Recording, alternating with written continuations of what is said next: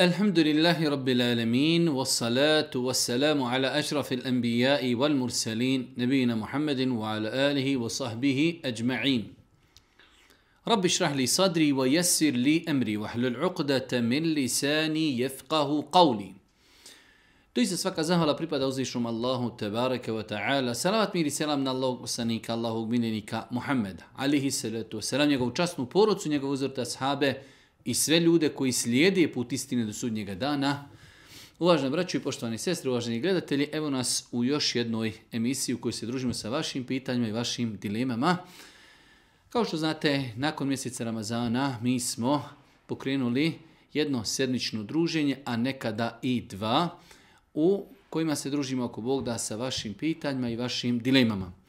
Rekli smo da na naš e-mail dolazi doista mnogo pitanja i nemoguće je odgovoriti na sva pitanja zbog mnoštva pitanja, a isto tako zbog e, kompleksnosti određenih pitanja koja dolaze na naš e-mail. Mi ćemo se truditi da odgovorimo na što veći broj vaših pitanja, ali definitivno ne možemo odgovoriti na sva pitanja. E, isto tako treba napomenuti na početku da nekada su pitanja više nego jednostavna, prosta, ali isto tako mi jednostavno želimo da svim ljudima odgovorimo jer nečija sitnica nečija sitnica u našim očima je za nekoga nešto krupno. Koliko puta smo čuli da ljudi postavi neko jednostavno, prosto pitanje, a ljudi nakon toga kažu da ih to muči godinama, a nekada i desetine godina oni očekuju da nekoga upitaju da dobiju odgovor na određeno pitanje. Tako da kada nekada e, čujete neko jednostavno lagano pitanje, samo da znate da želimo da odgovorimo i tim ljudima jer je to nešto što njih tišti, a možda je to za nas više nego jednostavno pitanje. Prvo pitanje, zanima me da li je dozvoljeno da čitamo islamske knjige u PDF-u koje mogu pronaći na internetu. Nisam siguran da li na taj način kršim autorska prava i da li su uopšte autori dali dozvol da se njihove knjige postavljaju na internet, da ljudi to čitaju besplatno, kada se iste te knjige prodaju. U svakom slučaju, islam i tekako podržava nešto što se zove, e, nešto što je poznato u današnje vrijeme kao autorska prava. Osnova je da insan e, bi trebao da knjigu koju želi da čita, da je pokuša kupiti u štampanoj e, verziji ili eventualno da kupi da kupi verziju koja je elektronske formi. E, ali isto tako, ako u datom momentu insan ne bi imao priliku, možda je knjiga nekada davno štampana i više je nemoguće naći na tržištu ili je negdje daleko, ili nema novca, želi da se okoristi od te knjige, a ta knjiga u osnovi postoji e, na internetu dostupna u PDF-u. Nadamo se, inšala, ako se uzimaju knjige kako bi se samo čitale, kako bi čovjek znači imao dodatnu korist, da to ako Bog da neće, neće smetati. Tako da, E, duboko se, ako Bog da, nadamo da u osnovi insan bi trebao da pokuša da sebi obezbijedi knjigu. ako ne može da obezbijedi sebi knjigu ili ako ta knjiga više nije e, dostupna na tržištu, ako Bog da, ako bi uzeo takvu knjigu u PDF-u na internetu, samo da se koriste, čita, ako Bog da, nadam se da nije griješan. Drugo pitanje Šta se podrazumijeva pod pojam kašnjenja na namaz? Recimo, ja klanjam kod kuće i kada čujem ezan, obučem se, uzmem abdest i ezan je već prošao. Da li time kasnim na namaz? Poprilično, ajde da kažemo, nejasno pitanje šta se podrazumijeva pod pojam kašnjenja na namaz. Iako iz ovog nekog pojašnjenja vidimo da čovjek kaže, recimo ja klanjam kod kuće i kada čujem ezan, obučem se, uzmem abdest i ezan je već prošao. Da li time kasnim na namaz?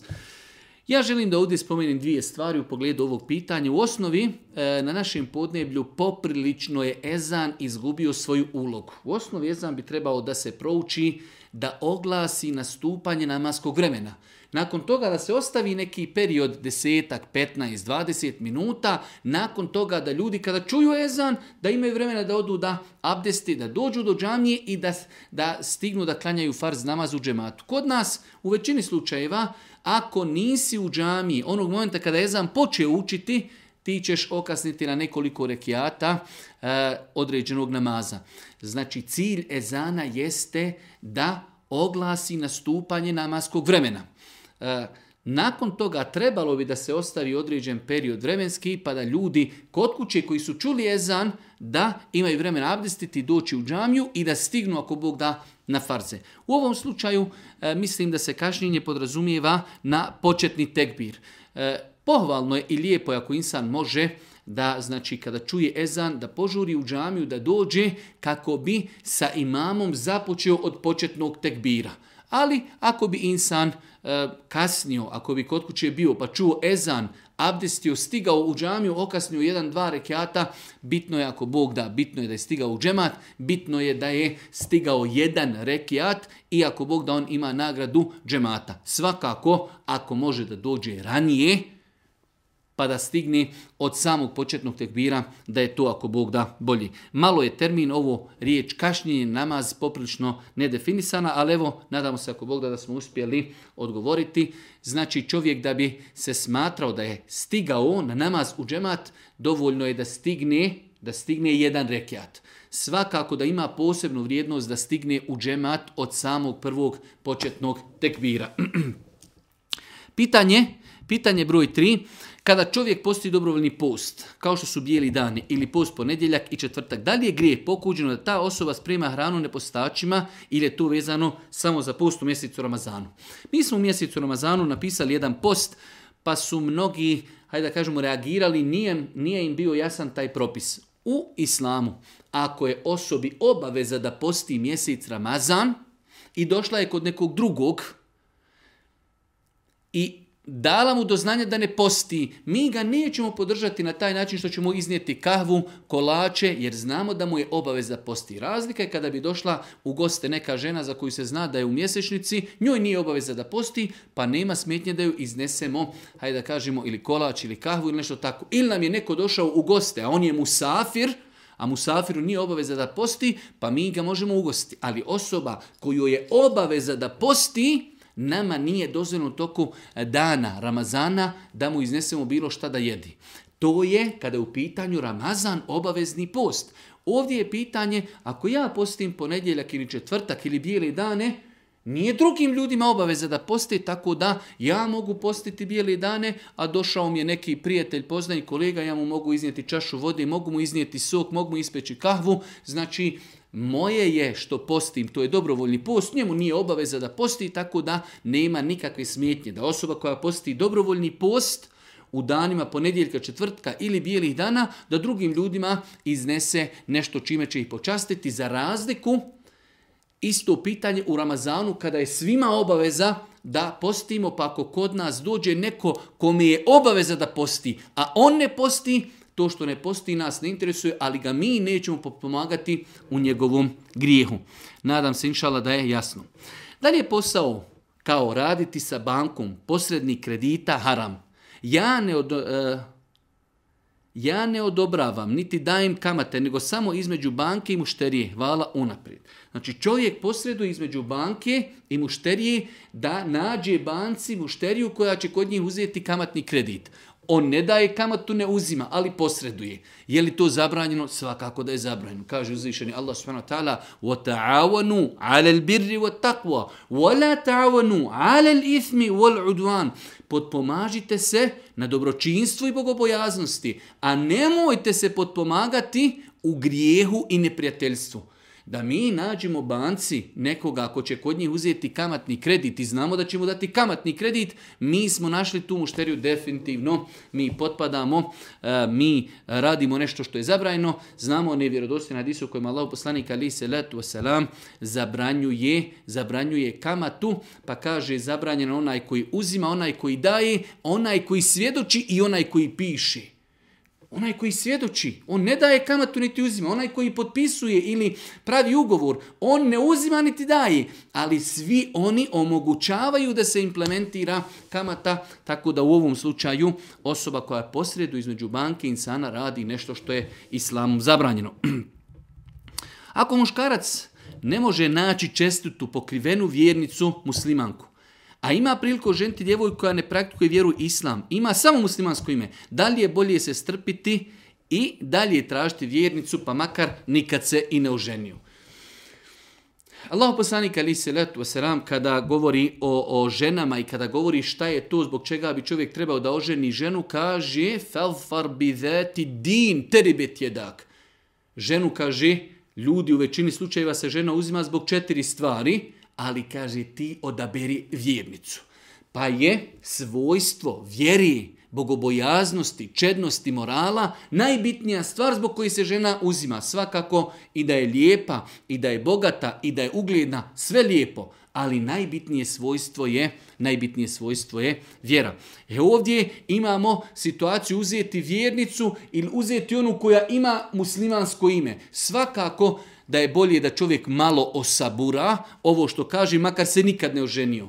Ne mogu da shvatim da ima čovjek na planeti, makar živio u, Tanzaniji, da ne može da nađe sebi ženu e, koja je vjernica, da bude prinuđen da oženi ženu koja od vjere nema ništa osim ime. Pa je malo i pitanje samo, hajde da kažemo neispravno definisano, treba se potruditi dati sve od sebe da čovjek oženi ženu vjernicu koja će ga pomagati i potpomagati se sa njom na putu ka ahiretu. Možete li mi odgovoriti da li je dozvoljeno držati psa kako bi čuvao kuću i je li to zabranjeno? E, mi smo više puta govorili e, kada je u pitanju e, držanje psa, da čovjek ne može psa držati da je to zabranjeno kao kućnog ljubimca. Čisto onako, nema nikakve potrebe, hoću da imam pudlicu kućnog ljubimca. Tri su situacije u kojima Allah poslanik ali se letu dozvolio držanje psa, onda kada pas koristi, znači da li je to pas e, za lov, da li je to pas za usjeve koji će čuvati usjeve i da li je to pas koji će čuvati stoku. To su tri situacije koje Allah poslanik ali se letu izuzeo i zabrane držanja pasa. Na osnovu ove tri stvari islamski učenjaci kada su analizirali korist koja proizilazi od držanja psa za lov, za usjeve, za stoku, kažu da je i veća korist da imamo psa koji čuva kuću, ali je potreba da čuva kuću. Znači imamo potrebu za psom, da li je kuća negdje na samoći ili čovjek ima bogatje pa ima kuću koja je vrijedna e, ili ima auto ili ima u kući neke vrijednosti pa mu je potrebno da, da pas čuva kuću. Allah najbolje zna, dio učenjaka savremenog doba e, je dozvolio da čovjek ako ima potrebu za psom koji će čuvati kuću, da ako Bog da nije griješan. Ali se ne smijemo poigravati sa vjerom. Znači nećemo uzeti psa da nam je to kućni ljubimac, ali eto, kažemo čuva nam kuću. Znači znamo koja sorta pasa čuva kuću i znamo šta je potreba ako ne postoji potreba, onda se insan ne treba sa tim poigravati, jer je Allah poslanik ali se letu sram na govjestu i hadisima da onaj ko ima psa, a nema znači spomenute situacije da mu to svaki dan uništava njegovih dobrih dijela u veličini kirata. E sad u pogledu šta je kirat, postoji različita tumačenja, ali sigurno držanje psa bez validnog razloga uništava čovjekova dobra djela. Pa ne smijemo dopustiti sebi toliki luksuz da dopustimo da gubimo dobra djela zbog psa kojeg držimo, a nemamo za to validan razlog. E, sedmo pitanje, muž me preverio sa jednom ženom koja je nevjernik i sa njom dobio sina. To je dijete priznao, dao mu je svoje prijezme i prije nego se rodilo ostavio punomoć.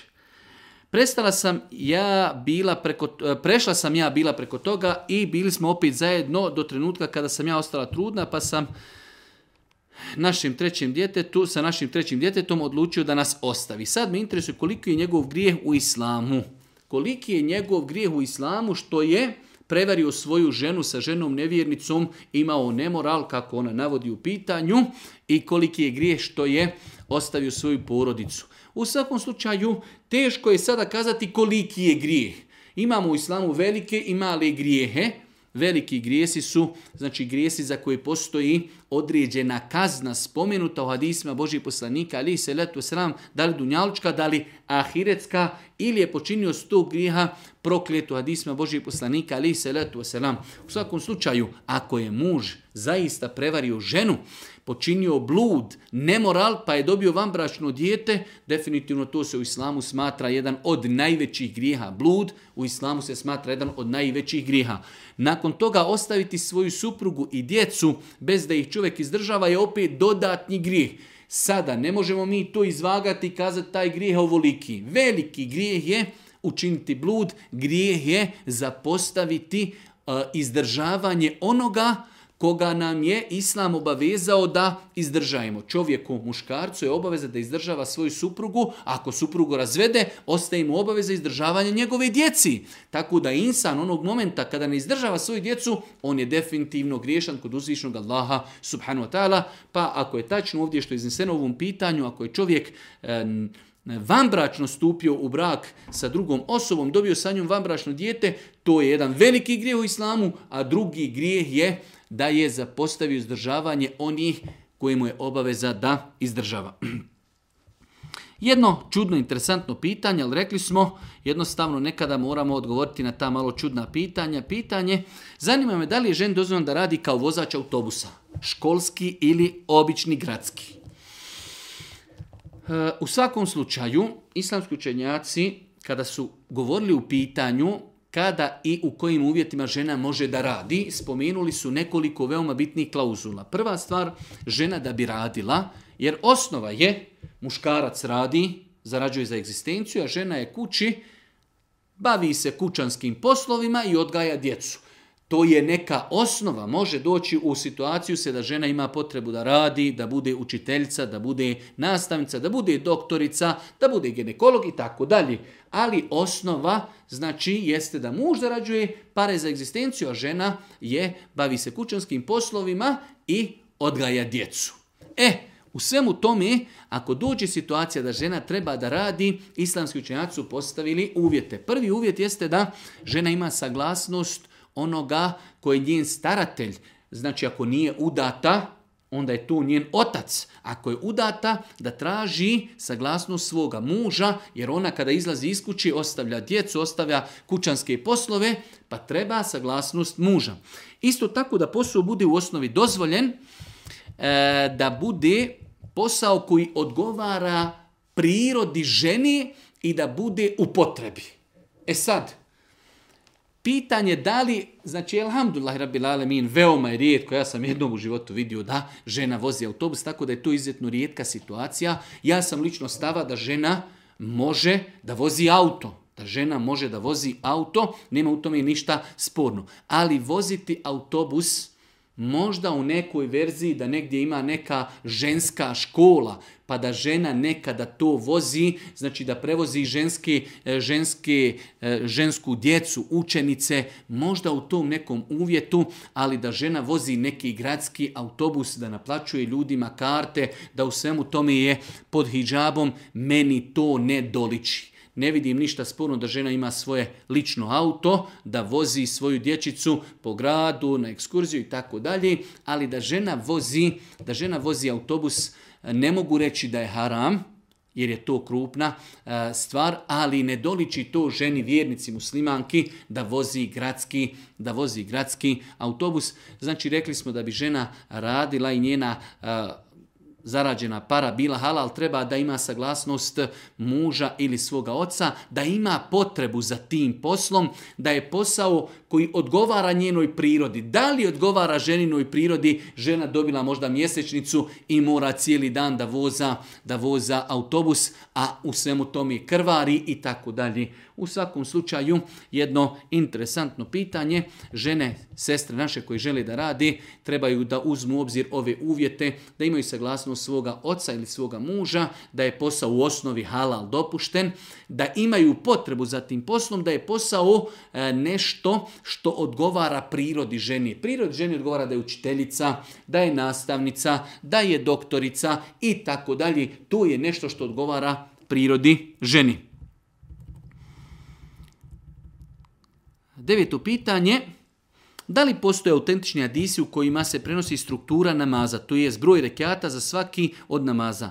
te šta je obavezno, a šta pohvalno učiti u namazima, ali zasnovano dakle sve na autentičnim hadisima. Svakako, e, znači sve hadijske zbirke, kad kažemo sve hadijske zbirke, mislimo na ovi e, najpoznatije hadijske zbirke, Kutubu Sitte, Buharija, Muslim, e, Tirmizija, Budavud, Nesai, Ibnu Mađe, a i druge hadijske zbirke uvijek imaju poglavlje svojstvo namaza Božijeg poslanika, alihi salatu wasalam. Možda u jednoj zbirci nemamo sve te hadise, ali kada uzmemo, znači kada uzmemo eh, hadise iz nekoliko zbirki, onda definitivno dobijemo jasnu sliku do u najsitniji detalj kako je klanjao Allahu poslanik alihi salatu wasalam, pa su nam sahabi Božih poslanika alihi salatu wasalam, do u najmanje sitnice prenijeli kako je Allahu poslanik alihi salatu wasalam klanjao i šta je na kojem rekiatu učio, shodno opet e, to je zasebna nauka e, na kakav način je potvrđena određena radnja u namazu, da li je nešto sunne, da li je nešto vađib, da li je nešto rukn, ali u svakom slučaju ono što možemo odgovorno tvrditi jeste da je svojstvo namaza Božijeg poslanika alihi salatu wasalam od početka kako se dižu ruke, u kojoj visini, kako su prsti, do kako se predaje selam, do u najmanje sitnice imamo zabilježeno u knjigama, hadijskim zbirkama sa vjerodostojnim lancem prenosilaca kako je Allah poslanik alaihi salatu wasalam obavljao namaz. Esselamu alaikum, poštovani brate, htio bi da znam za rodbinske veze. Ko se računa kao rodbina i sa kime moramo državati rodbinske veze? Hvala unaprijed. u svakom slučaju, mi znamo da je po islamu i tekako pohvalno državanje i čuvanje rodbinskih veza, a s druge strane eh, pokuđeno i zabranjeno kidanje rodbinskih veza. Čuvanje rodbinskih veza biva na različite načine. Ne mora samo značiti rodbinska veza, čuvanje rodbinske veze je da smo otišli nekog posjetiti. I nazvati nekoga je rodbinska veza i poslati poruku i otići zjaretiti i pitati za njega i pomoći ga i zauzeti se za njega u datom momentu. Sve su to različiti načini metode čuvanja rodbinskih veza. E sada, ko je taj ko potpada pod termin E, rodbinska veza koju nama obaveza da čuvamo. U svakom slučaju ja smatram da vrijeme i prostor u kojem se živi ima određen uticaj na definisanje ovog pitanja. Ono što možemo odgovorno kazati jeste da što je rodbinska veza bliža nama, obaveza održavanja rodbinskih rodbinski veza je veća. Pa primjera radi, ako imamo Amidžu, pa imamo Amidžinog sina, pa Amidžin sin ima opet dijete. Svakako da nam je e, obilaženje Amidže veći prioritet od obilaska njegovog djeteta. A obilaska njegovog djeteta, našeg Amidžića, je veća obaveza nego obilazak njegovog tamo djeteta. Tako da znači što je rodbina bliža, čuvanje rodbinskih veza je veće i kidanje rodbinskih veža, veza je žešći. Što je rodbinska veza, odnosno veza između nas i nekog insana dalja, što se krv više razlila, onda jednostavno islam tu uvažava da je nemoguće da insan obilazi sve ljude koji su mu rodbina. Svakako mi živimo u vremenu kada su se ljudi poprilično jedni od drugih odvojili e, i udaljili, tako da treba oživljavati ovaj sunnet koji možemo slobodno kazati da je zapostavljen e, obilazak i čuvanje rodbinskih veza. Došlo je onom poznatom hadisu kada je Allah poslanik ali se letu govorio o dobročinstvu pa je kazao osobi koja ga je pitala kom je da čini dobročinstvo, rekao je majci, majci, majci, ocu, pa je onda rekao el akrabu fel akrab, bliži pa bliži, bliži pa bliži. I to je to pravilo na osnovu koje islamski učenjaci kažu, na osnovu hadisa koji je imam termizija, da e, insan, e, znači što su mu ljudi iz rodbine bliži, obaveza čuvanja rodbinskih veza je veća, a što se krv više razljeva, onda obaveza čuvanja rodbinskih veza je manja. Nadam se, inšala, da smo uspjeli e, odgovoriti na ovo pitanje. Zanima me za propis dojenja. Jedna naša Moalima mi je rekla da, je, e, da bi do bebinog 21. mjeseca e, dojenje je dovoljno da bi se postiglo inšala sunnet a u Kur'anu piše da treba da bude dvije godine. E, u svakom slučaju, vidite, e, Kur'an nam jasno kaže da e, žena koja želi da upotpuni dojenje, treba da doji dijete dvije godine. To je znači, to je jedan temelj. To je, hajde kažemo jedno pravilo, žena koja želi da upotpuni dojenje djeteta, to je period od dvije godine. Ali isto tako, e, učenjaci islama kada su komentarisali propise e, dojenja u islamu, kazali su ako imaju potrebe, imaju razlozi da žena i prije dvije godine E, prekine hranjenje djeteta, ako su muž i žena saglasni u svemu tome, nema uz Allahu pomoć nikakve smetnje. Tako da i ovo preciziranje 21 mjesec da se doji i to je dovoljno da se ispuni sunnet, znači možemo slobodno kazati da je poprilično diskutabilno ono ko zaista želi da upotpuni, upotpuni dojenje, onda je to kako je došlo u Kur'anu dvije godine, ali ako bi postojao potreba, ako bi postojao problem ili potreba ili sa glasnost roditelja da se dojenje prekine i prije dvije godine, insan, inša nije griješan. Imamo posljednja dva, tri mjeseca čudne osjećaje, strah, anksioznost i neke ružne misli u glavi. Te me muči zanima me, trebam da se obratim medicini ili ovo djelovanje džina i šetana i trebam potrebu, eh, imam potrebu za širijetskom rukijom. U svakom slučaju, braćo, moja dragi i sestre, mnogo nam pitanja dolazi na ovaj neki kalup, imam neka došaptavanja, imam ružne misli i tako dalje. U svakom slučaju, islamu su poznata dva načina liječenja. Imamo medicinu, što svakako islam odobrava i podržava, i imamo liječenje Kur'anom, učenje ruki. Tako da insan kada se ne osjeća dobro, nema smetnje da e, objedini dva načina. Da ode kod doktora, e, e, znači iz struke, da se sa njim konsultuje, da radi pretrage, snimke, nalaze, da vidi može li svoj problem riješiti medicinski. Isto tako to ne isključuje svakako prije toga da uči, da uči sam sebi rukju, da uči jutarnji večernji zikr, da pazi na namaz, da očisti svoju kuću od svega nečega što bi spriječavalo dolazak melika u njegovu kuću, a to su slike, muzika, duhan, e, figurice, kipovi i tako dalje. Sve to može u datom momentu spriječiti ulazak melika u kuću, a kad nema melika, ima džina, ima šetana i to je to. Pa znači insan treba da sam sebi uči rukju, da uči jutarnji zikr, večernji zikr, obavlja namaz, da očisti svoju kuću od svega nečega što bi moglo spriječiti ulazak melika u kuću. Nakon toga, ako ima potrebu da ode kod osobe koja ispravno uči rukju, uči Kur'an, liječi Kur'anom, nema u tom, ako Bog da, ništa loše. Znači, da radimo na sebi, da sami sebe štitimo zikrovima, e, obavljanjem namaza, očistimo svoju kuću od svega nečega što bi moglo sprečavati ulazak melijeka u kuću, nema smetnje da tražimo lijek kod doktora medicina, a u isto vrijeme i da tražimo pomoć od osobe koja uči Kur'an. Zovem se tako i tako iz grada tog i tog. Već neko vrijeme je pojavila se želja da naučim da klanjam. U svakom slučaju osoba nas pita koje su to knjige koje bi mi preporučili, iz kojih će naučiti kako se klanja E, Allah najbolje zna, ja sam o tome više puta govorio, za mene najbolja knjiga napisana u svojstvu namaza Božeg poslanika, se salatu wasalam, jeste knjiga doktora Šeha Safeta Kudzovića, svojstvo namaza Božeg poslanika, se salatu wasalam, od početnog tekbira pa sve, znači od samog abdesta, početnog tekbira pa sve do predavanja Selama u namazu.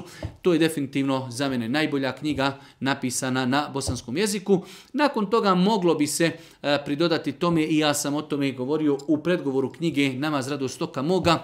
E, može se knjiga Namaz stoka moga smatrati kao dopuna e, knjizi Šeha Safeta u kojoj sam ja u prvom poglavlju govorio o vrijednosti namaza i govorio sam o opasnosti veličine i grijeha ostavljanja namaza. U drugom poglavi smo govorili o mnogim greškama koji su prisutne kako za namaz, tako i za određene ibadete koji se vezuju za namaz direktno ili indirektno.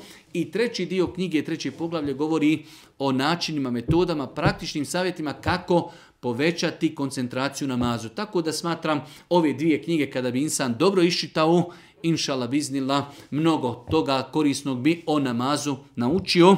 E, na internetu, na YouTubeu se mogu naći, e, ja lično sam snimio, e, nekoliko stvari, snimili smo neki desetak sura, između, između ostalog Fatiha i neke druge sure, da bi insan početnik mogao da nauči osnovne sure koje su potrebne da obavlja namaz.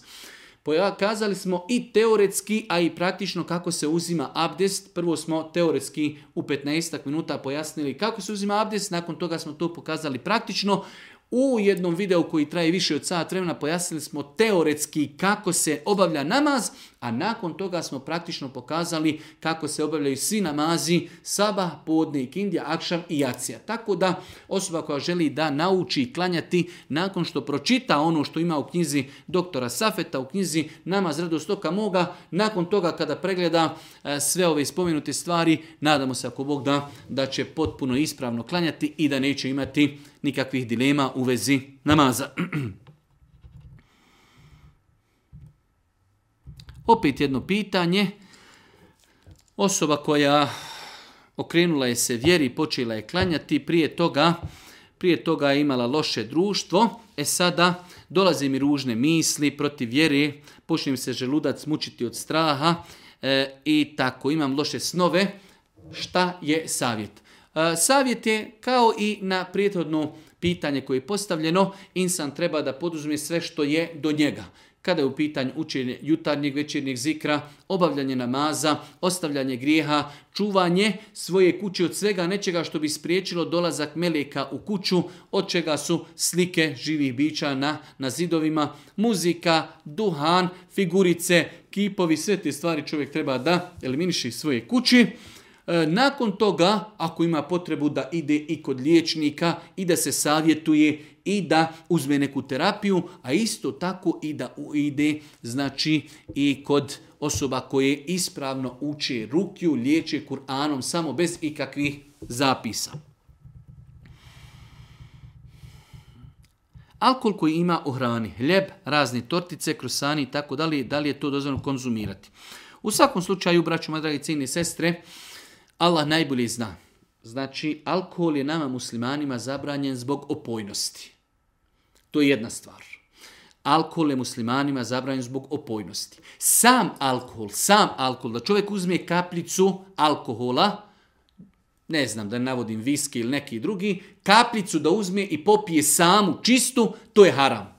Ali ako bi uzeli tu kaplicu i stavili je u bure od 10 litara vodi, uzmemo kap alkohola i stavimo, da li nam je ta voda zabranjena? Nije nam zabranjena ta voda zato što se ta kapljica rastvorila u toj velikoj smjesi vode i izgubilo je se svojstvo opojnosti.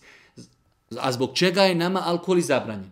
Tako da Allah najbolje zna, slatkiši, proizvodi u kojima ima izuzetno malehan procenat alkohola, koji nije došao do stepena da čovjek ako konzumira taj proizvod osjetit će opojnost i djelovanje alkohola, Takvi slatkiši su dozvoljeni, pogotovo e, što prilikom e, pripremanja i proizvodnje tih proizvoda, pogotovo ako dolazi do e, znači pečenja određenih znači e, proizvoda na visokim temperaturama gdje se taj alkohol ispari tako da je to jedna dodatna e, dodatni razlog da su takvi e, proizvodi dozvoljeni za konzumiranje. Ono što možemo rezumirati, rezimirati jeste sljedeći, mi muslimani ako proizvodimo određene stvari ne smijemo u njih stavljati alkohol. Mi proizvodimo ne smijemo.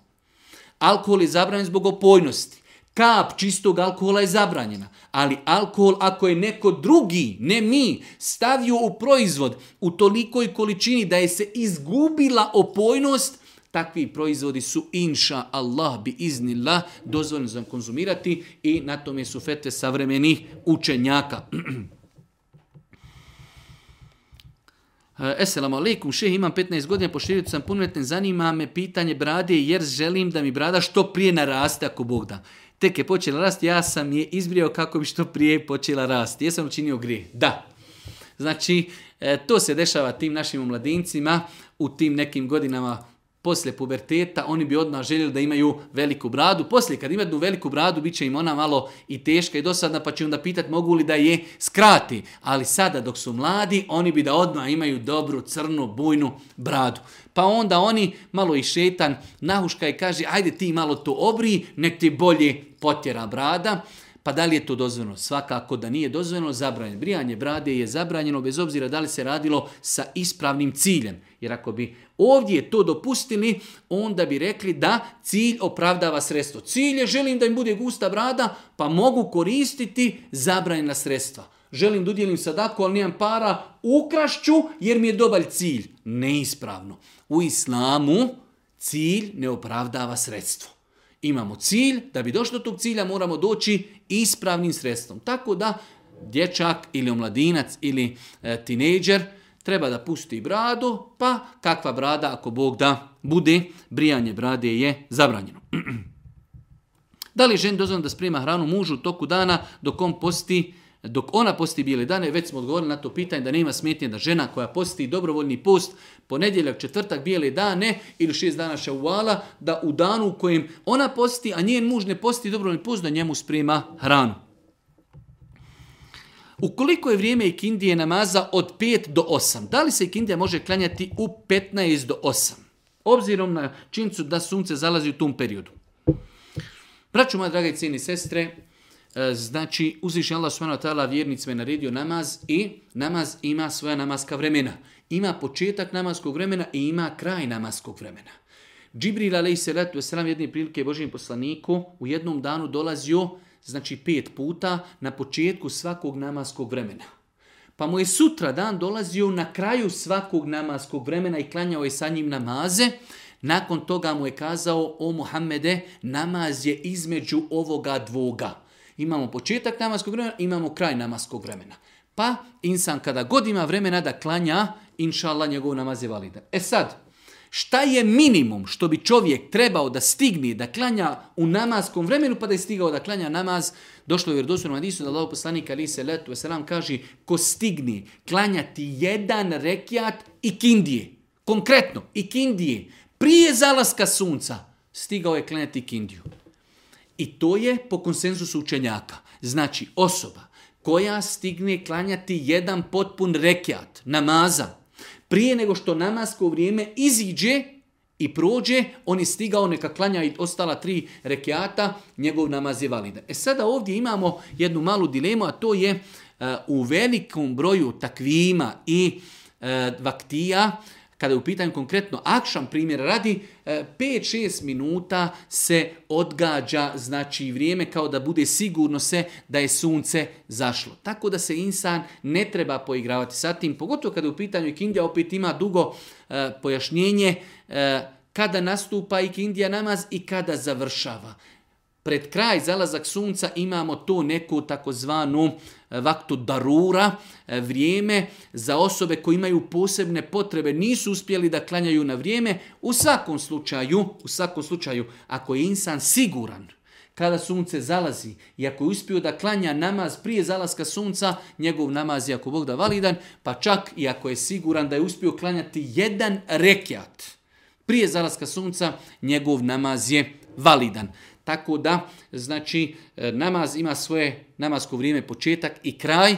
Ako stignemo samo klanjati jedan rekiat, ne smijemo se poigravati. Jedan rekiat se klanja dvije, tri minute, da se okliznemo pa da uđemo u drugo namasko vrijeme, ali znači insan ako bi znao kada nastupa namasko vrijeme sljedeći, ako uspije klanjati samo jedan rekiat, namaza u kojem se trenutno nalazi namasko vrijeme, on je stigao klanjati cijeli namaz, svakako da će klanjati ostale rekiate, ali je bitno da jedan rekiat klanja u namaskom vremenu.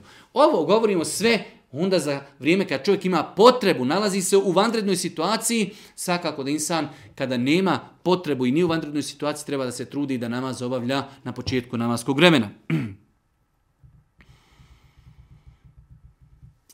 Muž mi je prije dva mjeseca saopštio da želi da me razvede. U tom trenutku sam bila izgubljena, da nisam razmišljao o šerijetskom razvodu. Poslije toga smo izgubili svaki kontakt, blokirao me na svim mrežama, pa me zanima. Da li se ja po islamu brojim kao razvedena žena ako s mužem ne živim, nemamo seksualne kontakte, određen period, ili me mora šerijetski razvesti?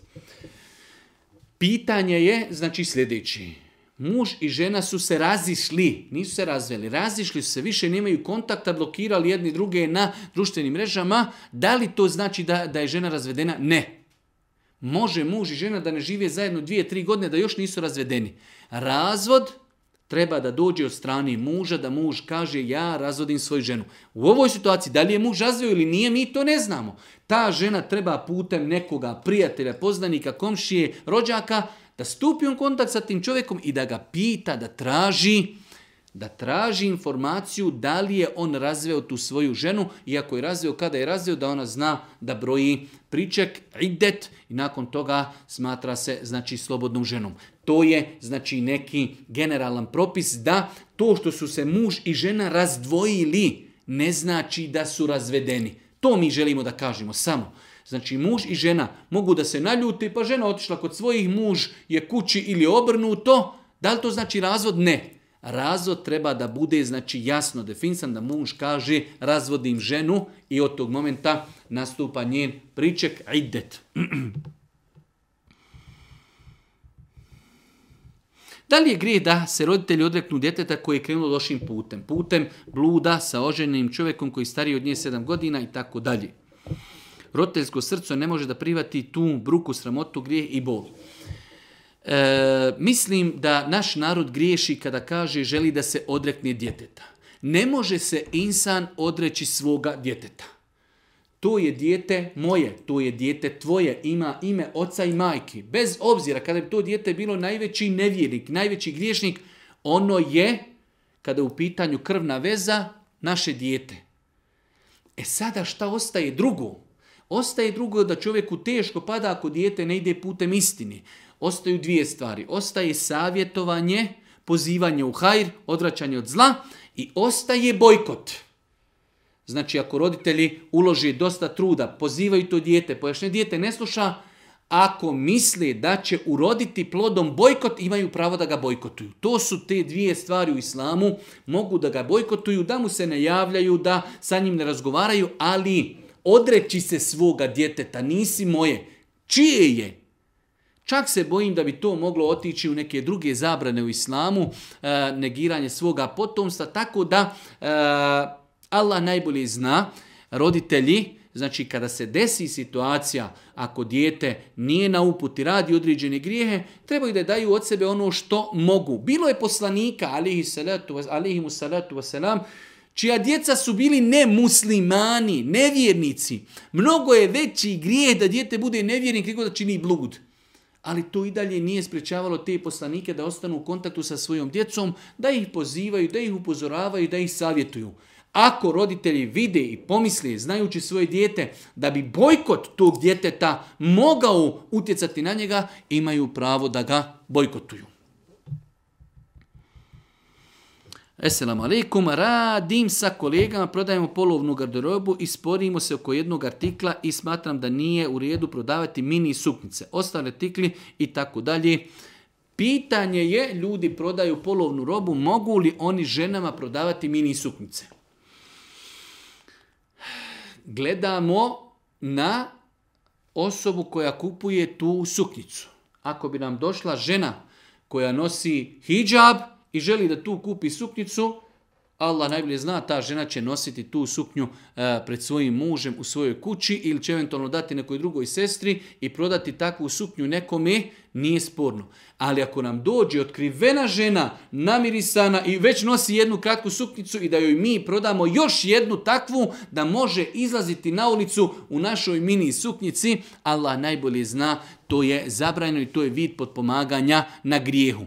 Tako da insan znači 99% e, slučajeva osobe koje dolaze kupiti u suknicu, to su žene koje će to nositi napolje, ali evo po nekoj pretpostavci ako bi vidjeli da je to došla kupiti neka žena koja vanštinom pokazuje znači da to neće nositi na polju, onda da se proda takoj osobi inšala nije sporno za razliku od osoba koje svojom vanštinom pokazuju da će to koristiti na neispravan način, tada to nije ispravno prodavati.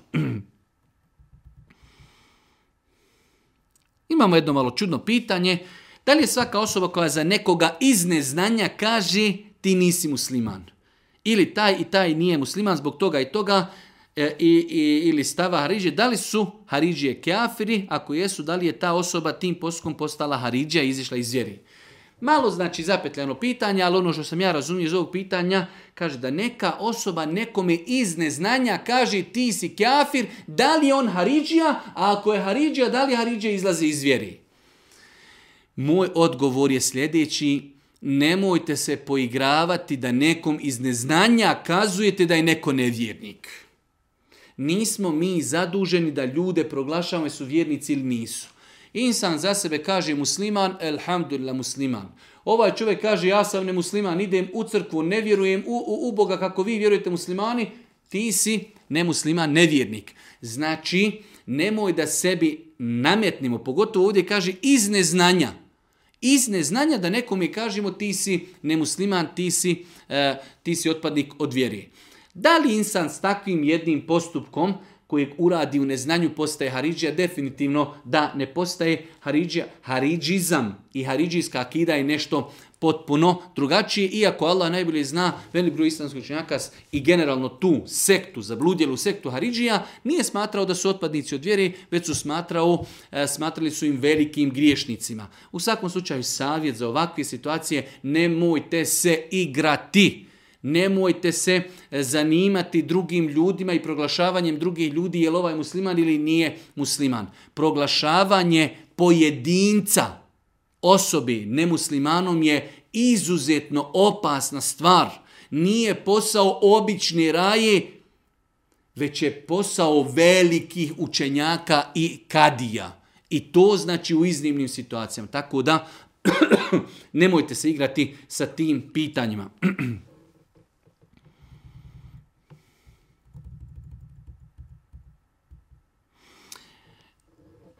Pitanje je može li se, ja i Hanuma smo u nedoumici zbog prijezmina, Znamo da je zabranjeno da se mijenja prezme. Pitanje je da li se može da doda moje prezme pored njenog. Znači ovdje je dobro da ovi supružnici znaju da je zabranjeno da žena uzima muževo prezime. U islamu znači prezime kod nas označava našu lozu. Kako to da se žena uda i preko noći dobije drugo prezime, odnosno dobije drugu lozu?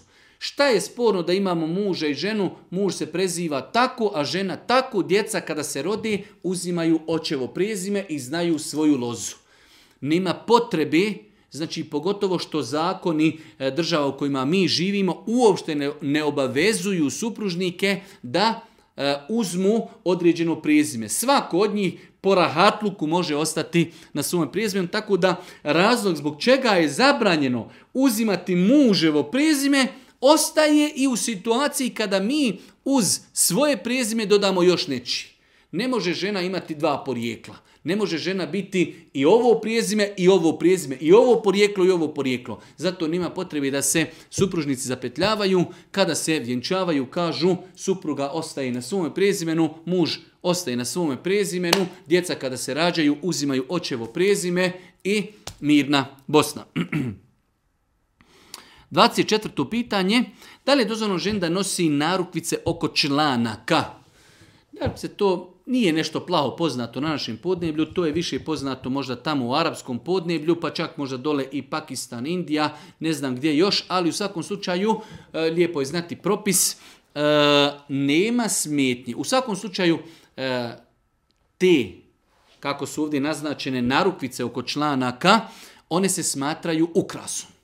A ukrasa, ukrase žena može pokazivati ili ženama ili muškarcima koji nisu mahremi. Tako da žena prilikom izlaska napolje iz kuće svoje, ako već nosi takve ukrase, neće ih nositi napolje. Ali da se sredi svome mužu ili eventualno ako joj dolaze neke sestre u goste, da stavi te znači, narukvice oko članaka e, nožnih, e, ako Bog da u islamu nije sporno, ali pošto se to smatra ukrasom, neće to nositi kada izlazi napolje.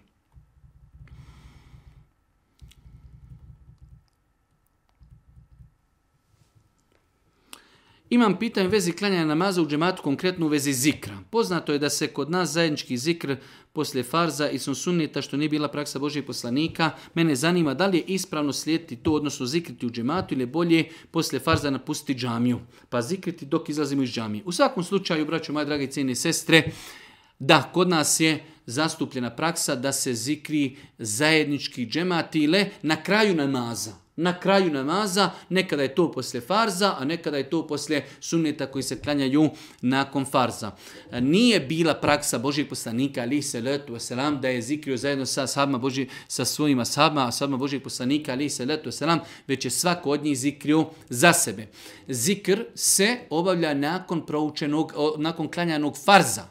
E, sunnete je pohvalnije i ljepše klanjati kući. Tako da insan E, koji klanja farze ima mogućnost da ostane, da sjedi lagano, da se trudi, da što manje remeti red i mir u džami, da lagano sazikri, da ustane, da klanja sunnet ako postoji sunneti e, nakon tog farza ili da nakon zikra lagano iziđe, da kod kuće klanja sunnete. U svakom slučaju ne treba oko tog pitanja praviti neki velik bauk, ono što je sigurno, što je potvrđeno, da je praksa Božih poslanika, ali se letu selam, bila da je sunnete klanjao u kući, e, da je zikrio poslije farza i da nisu zajedne, zikrili zajednički. Tako da insan treba da e, ovo sve ukomponuje u svoje svakodnevno ponašanje. Nakon farza će ostati na mjestu gdje je klanjao, lagano će sazikriti. Ako imaju farzi nakon toga klanja, e, sunneti, nakon toga klanjati će sunnete ili će lagano izići iz džamije bez da uznemirava ljude koji klanjaju na filu. Može klanjati sunnete kod kući, a znači zikr zajednički nije propisan. Imamo jednu sestru, kaže, iskušana sam sihrom i već dugo godina se borim s time. Već šest godina imam problema sa sve krvom, kako postupiti, pokrila sam se, sve ima oštar jezik, e, kako da se bori sa time, kako da se nosi, na, dugo je pitanje. E, u svakom, na kraju kaže, i bojim se njenih riječi i njenih klijetvi. Imamo mnogo toga zakazati kada je u pitanju odnos E, žena koje su se udale prema majci svoga muža, a to je kod nas poznat termin svekrva. Prva stvar najbolje je kada se može da mladenci ne žive zajedno sa roditeljima muža. Znači da imaju zaseban stan, zasebnu kuću i tako dalje i to je najbolja opcija.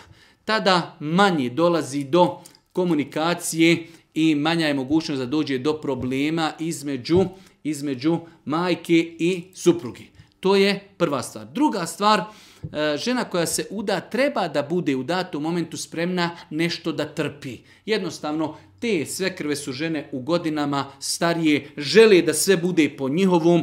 E, u većini slučajeva ljubomorne su na tu mladu, smatraju da im je mlada ukrala dijete i u svemu tome reagiraju dosta puta na pogrešan način. Ono što osoba može jeste da osaburi, da ignoriše, može da se strpi, da na lijep način ukaže na grešku. Smatram da je najveća uloga u e, tim nekim trzavicama između mladi i sve krvi, najveći je problem u mužu.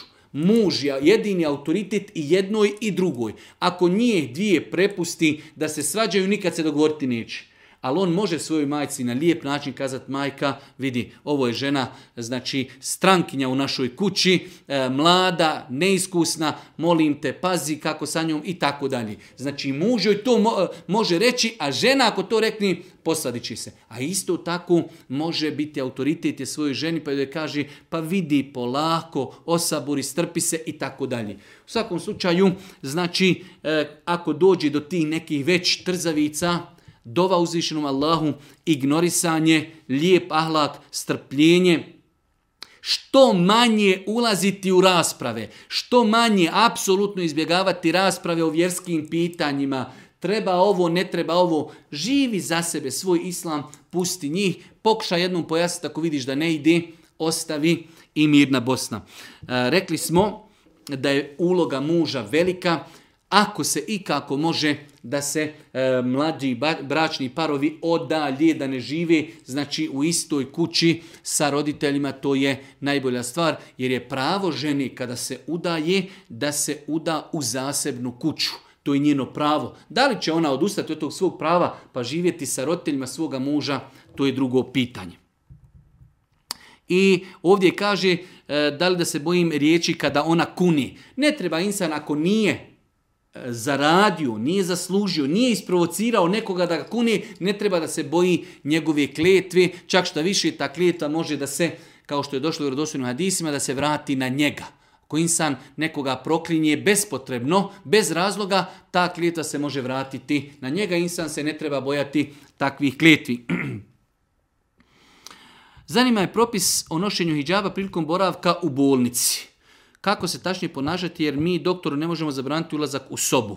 Nositi cijelo vrijeme mahramu kao upitnik da li ili nositi dugu spavačicu, da li smo u tom periodu dužni da nosimo hijab? Da, žena i kada je na porodu, ima avrete u smislu ostaje i dalje obaveza hijjaba. Ako e, već mora da bude porođena, ne mora skidati mahramu i puno je naših sestara koji su prošle kroz bolnice, porađaju se znači pod mahramama, a kada sutra dolazi vizita, dolazi u posjetu doktori, nema smetnje znači da žena nosi svoju mahramu na glavi, tako da obaveza hijjaba ostaje i u periodu boravka u bolnici i u periodu znači perioda i porod i u periodu nakon poroda kada nekada u kontrole i vizite dolaze i doktori gdje žena ipak treba da pazi na svoj hijab i nosi svoj hijab u tom momentu. Pitanje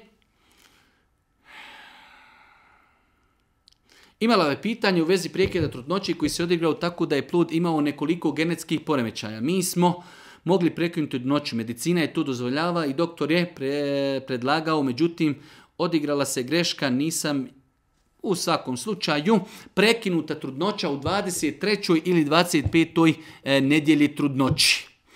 E, ovda ova naša sestra piše kako se pokajala, shvatila je da je pogriješila i tako dalje. U svakom slučaju mi smo neki dan o tome pisali. Braću, madragi, cijene sestre, generalno pravilo Postoji razilaženje učenjaka kada beba, kada se udahnjuje duša u bebu. Po nekima je to 80 dana, po nekima je to 120 e, dana. Ali evo po znači, ovom mišljenju 120 e, dana.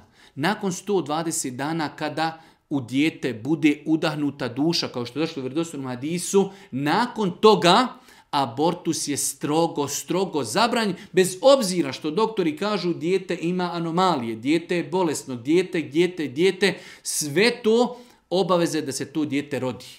U, abortirati takvo dijete znači ubistvo. Nakon što je dijete oživjelo. Tako da osoba koja to uradi, uradila je veliki, veliki grijeh u islamu. Uradila je veliki grijeh u islamu. U jednoj samo opciji je dozvoljen abortus nakon 120 dana, e, znači ako bi zaista na osnovu povjerljivih doktora život majke bio u pitanju. Samo u toj situaciji, iako i u toj situaciji nije to konsenzus. Bilo učenjaka koji su kazali ne smije se ni tada činiti abortus. Pogledajte koliko je abortus nakon 120 dana, nakon udahnjivanja duši u e, znači fetus u bebu, koliko je to opasno pitanje da je bilo učenjaka koji kažu i ako je u pitanju život majke ne smije se činiti abortus. Ali Allah najbolje zna, znači daje se prednost majci, životu majke nad tom bebom koja se još nije rodila ako bi bio u pitanju život majke. Mimo toga, ako se na osnovu nalaza, istraživanja, snimaka utvrdi da dijete ima određene nepravilnosti, anomalije, to nije razlog za abortus. Znači, nakon 120 dana po konsenzusu islamskoj učenjaka je to zabranjeno i smatra se ubijstvom. E sada, imamo, imamo znači, e, dva perioda kroz koji prolazi e, znači, plod prije 120. Imamo 40 dana, imamo 80 dana.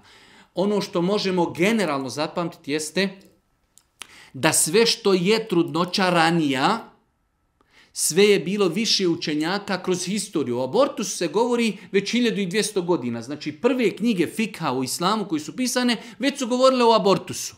Pa što je trudnoća? bliža i mlađa, znači što je manje perioda sedmica, dvije, tri, sve je bilo više učenjaka koji su smatrali ako postoji potreba da se uradi abortus. Sve što trudnoća odmiče prema 120 dana, sve je znači to spornije i sve više treba pitati, konsultovati, tražiti fetvu i tražiti saglasnost i liječnika i islamskih učenjaka. Prije nego što znači e, fetus oživi i što se u njega udahne duša. Znači e, sve što je ranija trudnoća, bilo je dosta učenjaka koji su kazali u tom nekom periodu do 40 dana ako postoji zatim razlog validan da žena može da uradi abortus ali znači opet se ne treba sa tim poigravati, treba konsultovati e, školovane učene osobe iz medicine i školovane učene osobe iz islama.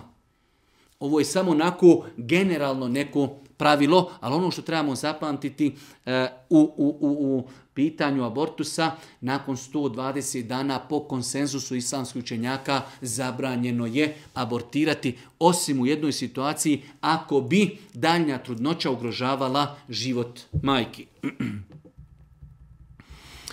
Da li sam čin vjeritbi, a prije širijetskog vinčana čini muškarca i ženu dozvoljeno jedno drugom u smislu rukovanja poljupca zagrljaj? Ne, nikako.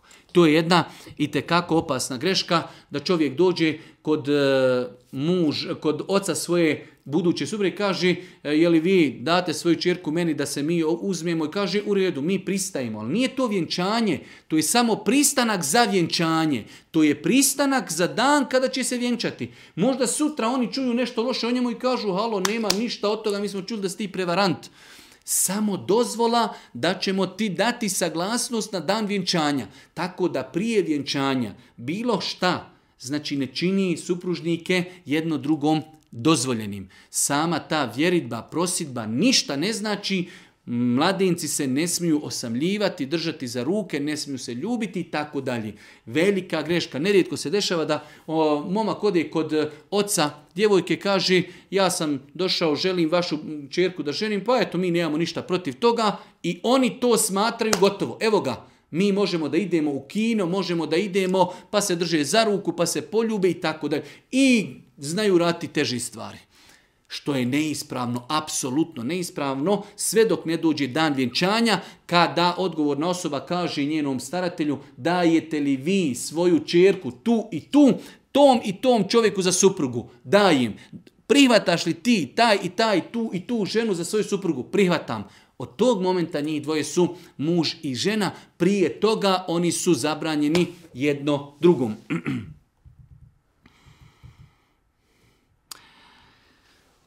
Pitanje odnosi se na moga oca, uskoro će godine dana kako se nalazi u teškoj vrsti depresije. Koristi lijekove, tačnije antidepresive.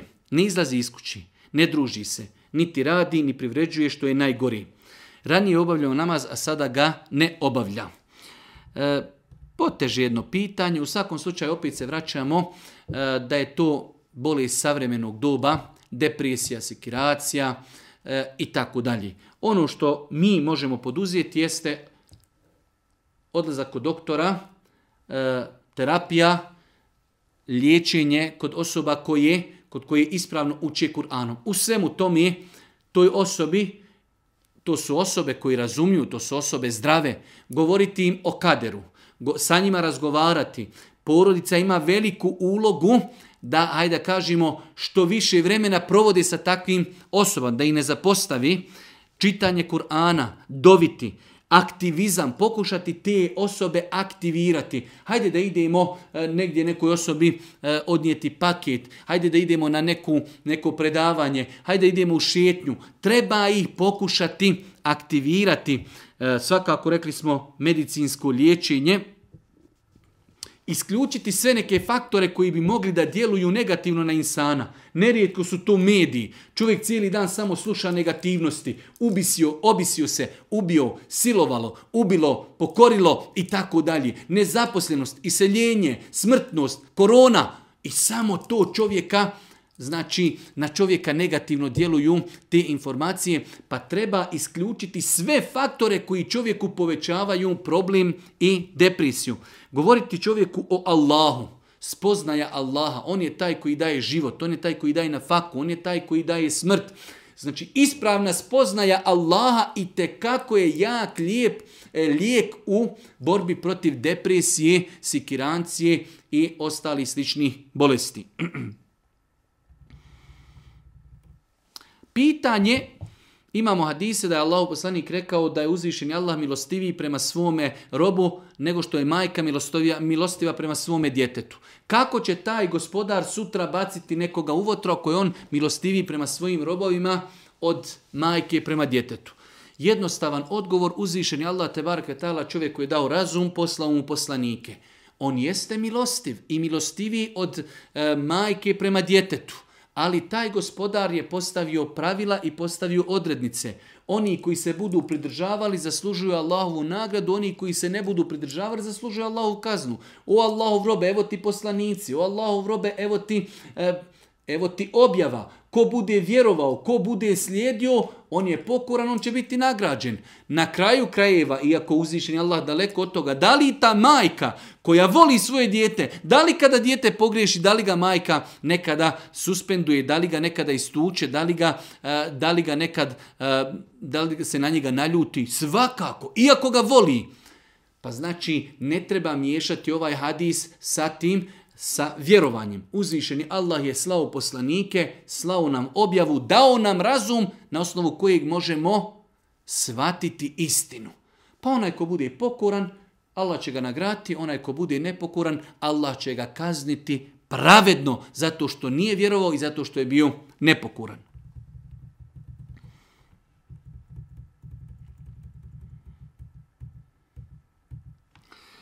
Zanima me što u u situaciji kada već počnemo klanjati u toku namaza, čujemo ezan. Da li nastavite klanjati ili prekinuti sa namazom? Pitanje je, osoba počinje klanjati i čuje namaz. Da li prekinuti namaz ili ne? E, pitanje se vraća na to da li znamo mi kada je nastalo namasko vrijeme. Primjer radi, kada bi rekli da je podne u jedan, tačno. I mi vidimo jedan sat, ne uči još ezan i mi počnemo klanjati podne jer nam se negdje žuri nakon toga u jedan i dvije minute počne učiti jezan jer je mu jezin okasnio sa učenjem ezan. Da li ćemo mi prekinuti namaz? Nećemo prekinuti namaz. Zato što mi smo sigurni da smo počeli klanjati namaz u namaskom vremenu. Ali ako ezan uči u namaskom vremenu sigurno na početku namaskog vremena, a mi već ranije počeli klanjati, znači postoji mogućnost smo mi počeli klanjati prije namaskog vremena, tada je najbolje da insan završi taj namaz kao opću na filu, nakon toga da klanja ponovo farze, nakon toga da ponovo klanja farze. Znači, nije pojenta u ezanu, pojenta je da li ezan se uči na vrijeme. Ako se uči ezan sigurno na vrijeme, a mi počeli klanjati prije ezana, znači mi smo počeli klanjati prije nastupanja namaskog vremena, tada ne moramo prekidati namaz, možemo završiti taj namaz kao opću na filu, nakon toga klanjati farze za koje je proučen ezan. Ali ako smo sigurni da je nastupilo namasko vrijeme i mi počnemo klanjati, a nakon toga počne učiti ezan koji kasni, onda mi nemamo potrebe niti da prekidamo namaz, niti da mijenjamo namjeru, jer mi smo sigurni da je nastupilo namasko vrijeme. Pitanje posljednje danas da li se mora zikriti odmah nakon farz namaza ili se može odgoditi za kasnije, sve dok ne nastupi drugo namasko vrijeme? Islamski učenjaci kažu da je od sunneta, da je Boži poslanik zikri odmah poslije namaza. Znači, ko želi sunnet i praksu Božih poslanika, odmah poslije namaza. Ali šta ako bi čovjek odmah poslije namaza žulio negdje, pa nakon toga sazikrio, on zikri, to je u osnovi ibadet. Taj zikr bio poslije namaza ili nakon namaza, to je nešto propisano. Tako da on će biti nagrađen za taj zikr, ali neće biti nagrađen da ga je uradio poslije namaza. Osnova je da taj zikr treba da se prouči nakon namaza. Allah subhanahu wa ta'ala molimo da ono što smo čuli bude korisno za nas. Molimo Allah subhanahu wa ta'ala da nas poduči korisnu zanju. Molim ga subhanahu wa ta'ala da nam bude milostiv na sudnjem danu. I na kraju, subhaneke Allahumma bihamdike, ešhedu en la ilaha ilan stakfiruke, wa etubu ilik.